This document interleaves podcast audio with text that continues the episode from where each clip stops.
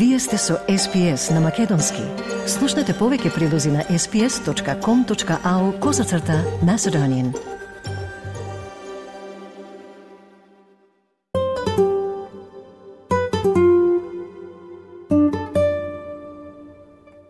Уставните измени добија зелено светло од матичната собраниска комисија. Содбата усвоени заклучока, парламентот го почна процесот на менување на македонскиот устав.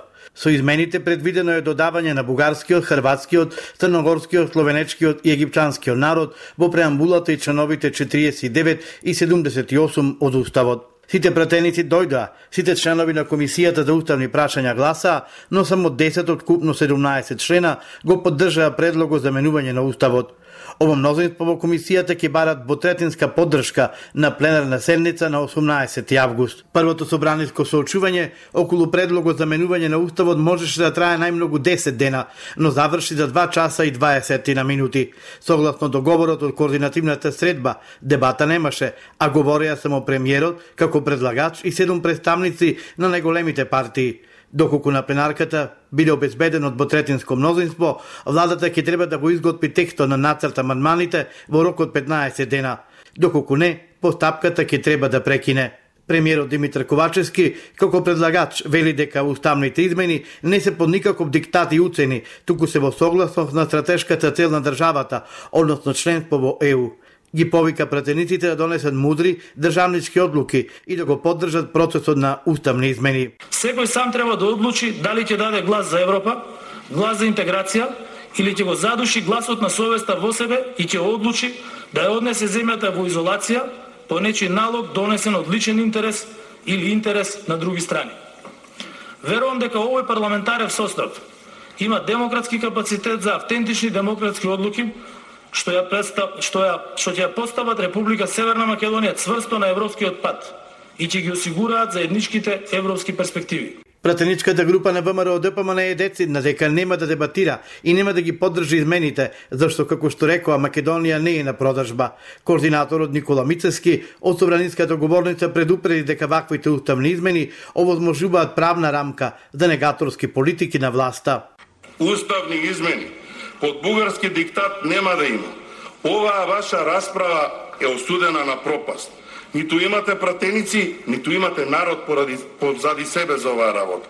Затоа, после ова моје излагање, ние немаме што повеќе да ви кажеме на темава, нема да има други наши дискусии и дискутанти и ајде, во скратени рокови, пуштете го предлогот, нека дојде на пленарна седница, ама да го ставите веднаш на гласање. Власта преку претеникот на СДСМ Мартин Костовски повика на разум, бидејќи како што рече на прес, измените на уставот биле историска одлука со која се унапредува уставот и не се загрозува ниту едно идентитетско прашање. Со ова почна да се одбројуваат деновите до оној момент, до оној ден, која ќе престанат сите тешки зборови и сите калкулации. На тој ден, вие колеги ќе определите иднината и судбината на нашата Македонија. Очите на јавноста ќе бидат вперени во мониторот што ќе покаже колку мина од 120 пратеници гласале за уставните измени, за историски посакуваната стратешка цел интегрирана Македонија. И левица од собраниската говорница преку пратеникот Димитар Апасиев најави дека е против вакви уставни измени. Тоа значи дека секој народ кој ќе го споменувате или малцинства ги викаат у светот, ама ние сме политички многу коректни, има право, потоа има колективно право, имаме лек специјалис за малцински права на тие заедници. Имаат право на образование, ќе се вадат нови бугарски пасоши, еве сега за 250 денара министерот им возможи. Значи, ќе се вадат нови бугарски пасоши за да децата во Струмичко учат на бугарски, еве сега како што и шетаат. Албанските партии според глас за уставните измени го условуваат со нивните барања за менување на формулацијата јазикот кој го говора 20 со формулацијата албански јазик. Лидерот на опозицијата Христијан Митковски не попушта за уставните измени.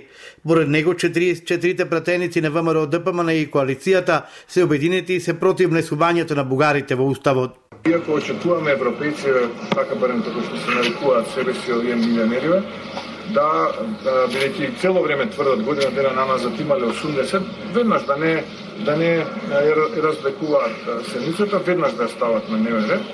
Еве јас ги повикувам веднаш, еве ако заврши уставна комисија, нема потреба да чекаме уште утре нека закажат собраниска седница и да видиме дали има сумнеси или нема. Ако не закажат, тогаш е јасно дека нема. Ако нема, јас не гледам друга политика која што оваа влада би ја оправдала по незиното постоење, треба час поскоро да го распуштиме парламентот и да одиме на предвремени парламентарни избори. Министерот за надворешни работи Бујар Османи со контраодговор вели дека негласањето на уставните измени е во интерес на бугарските радикалци. Шефот на дипломатијата Османи рече дека уставните измени ја уништуваат идејата на бугарските радикалци за еден народ, две држави. Интеграцијата на бугарите во уставот е формализирање дека тие се два различни народи. За прв пат во уставот ќе го имате македонскиот народ како мнозинство и дел од бугарскиот народ како малцинство, рече Османи. Енес Ибрахим, кој е член на партијата за движење на турците, а кој е дел од владеачката коалиција преку својот Facebook профил, објави дека втората уставна измена што ја предложи власта, а таа измена во однос на составот на Комитетот за односи меѓу заедниците е неуставна. Предлог измената и дополнувањето на уставот на Македонија однос на амандманот што се однесува на Комитетот за односи меѓу заедниците е неуставен, вели тој. Прочем со новиот предлог, бројот на членовите на Комитетот за односи меѓу заедниците, наместо до сегашните 19 члена, бројот се зголеми на 43, при што по 16 члена од редот на пратениците во собранието, македонци и албанци, а по еден член има сите други заедници. Со овој предлог не се почитува правичната и соодветна застапеност, која е загарантирана со Уставот, се вели во Facebook статусот на Енес Ибрахим. Никој не сака доброволно да служи војска во Арама. Шестмесечниот извештај за спроведување на годишниот план на Министерството за одбрана покажува дека за планираните февруарски и јунски рокови ниту еден граѓанин не пројавил интерес и затоа не се реализирала оваа активност. Следната се планира за октомври. Инаку Македонија воведе доброволно служење војска во 2007-та во време трајање од 3 месеци. Доброволците треба да се на возраст од 18 до 26 години, кои претходно ќе поминат лекарски и психолошки тестови. Рокот го служуваат во касарната во Велес, а во првите 10 години тоа го направиле околу 4800 мажи, но и жени. За оваа активно државата на заинтересираните месечно им исплаќала по 10 од просечната месечна плата или околу 50 евра и имат можност потоа да станат професионални војници.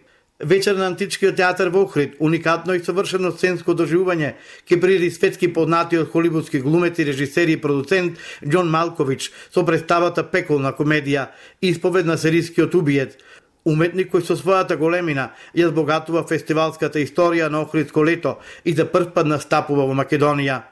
Актерот Џон Малкович, кој својата уметничка кариера токму ја започна во театарот, појасни дека оваа представа прв пат ја одирил на сцена пред 15 години, но ти истата ја видоизменета пред се поради ограниченоста на уметничките перформанси наметнати од коронавирусот.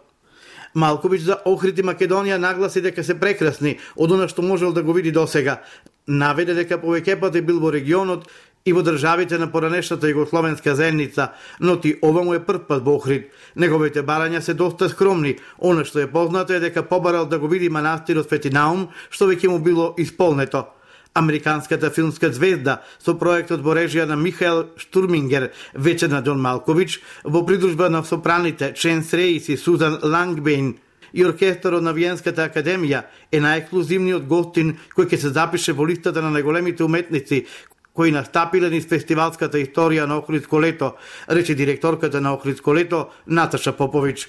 Министерката за култура Бисера Костадиновска Стојческа Истакна дека честа е огромна, што почитуваниот Џон Малкович, добро познато име на светската публика, ќе испише фестивалската историја на најголемите звезди кои заблескале на Охридско лето. Поминато годишното учество на филмскиот фестивал во Венеција со филмот на Теона Стругар Митеска, најстрекниот човек на светот, Македонија и годинава ќе има свој представник на овој престижен фестивал. Се работи за филмот Домакинство за почетници на режисерот Горан Столески, зад кој како продуцент застана лист продукт продукција. Агенцијата за филм го финансираше со околу 430.000 евра. Филмот на Венецискиот фестивал ќе има светска премиера, а се очекува наскоро да биде прикажан и пред домашната публика. Во 2022-та, според писанието Variety, режисерот Горан Столецки беше броен во десетеми на режисери што не смееме да ги пропуштиме. Светското филмско списание го смести Толески во друштво на најдобрите. Столески австралијанец со македонски корени.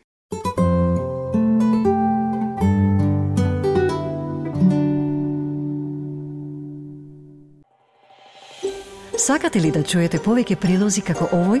Слушате подкаст преку Apple Podcasts, Google Podcasts, Spotify или од каде и да ги добивате вашите подкасти.